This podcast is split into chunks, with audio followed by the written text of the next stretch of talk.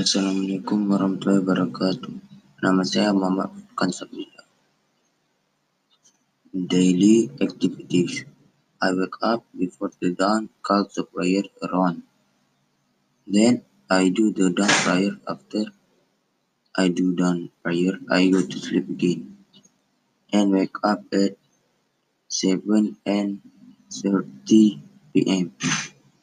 Then I take shower. After I take a shower, I fill absent teams in the class group.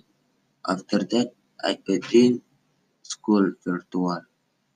I go to school from 8 o'clock to 12 and 15 o'clock.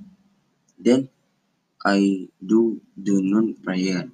After I do the noon prayer, I will go straight to noon afternoon. After I have lunch, I play games with my friend until the Asar prayer.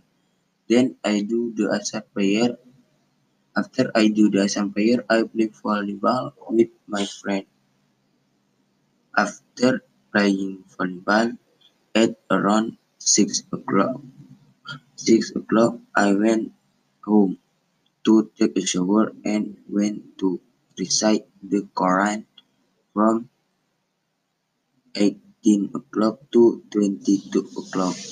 And after I come home from the Quran, I had dinner. After I had dinner, I played game until 12 o'clock. So I went straight to sleep.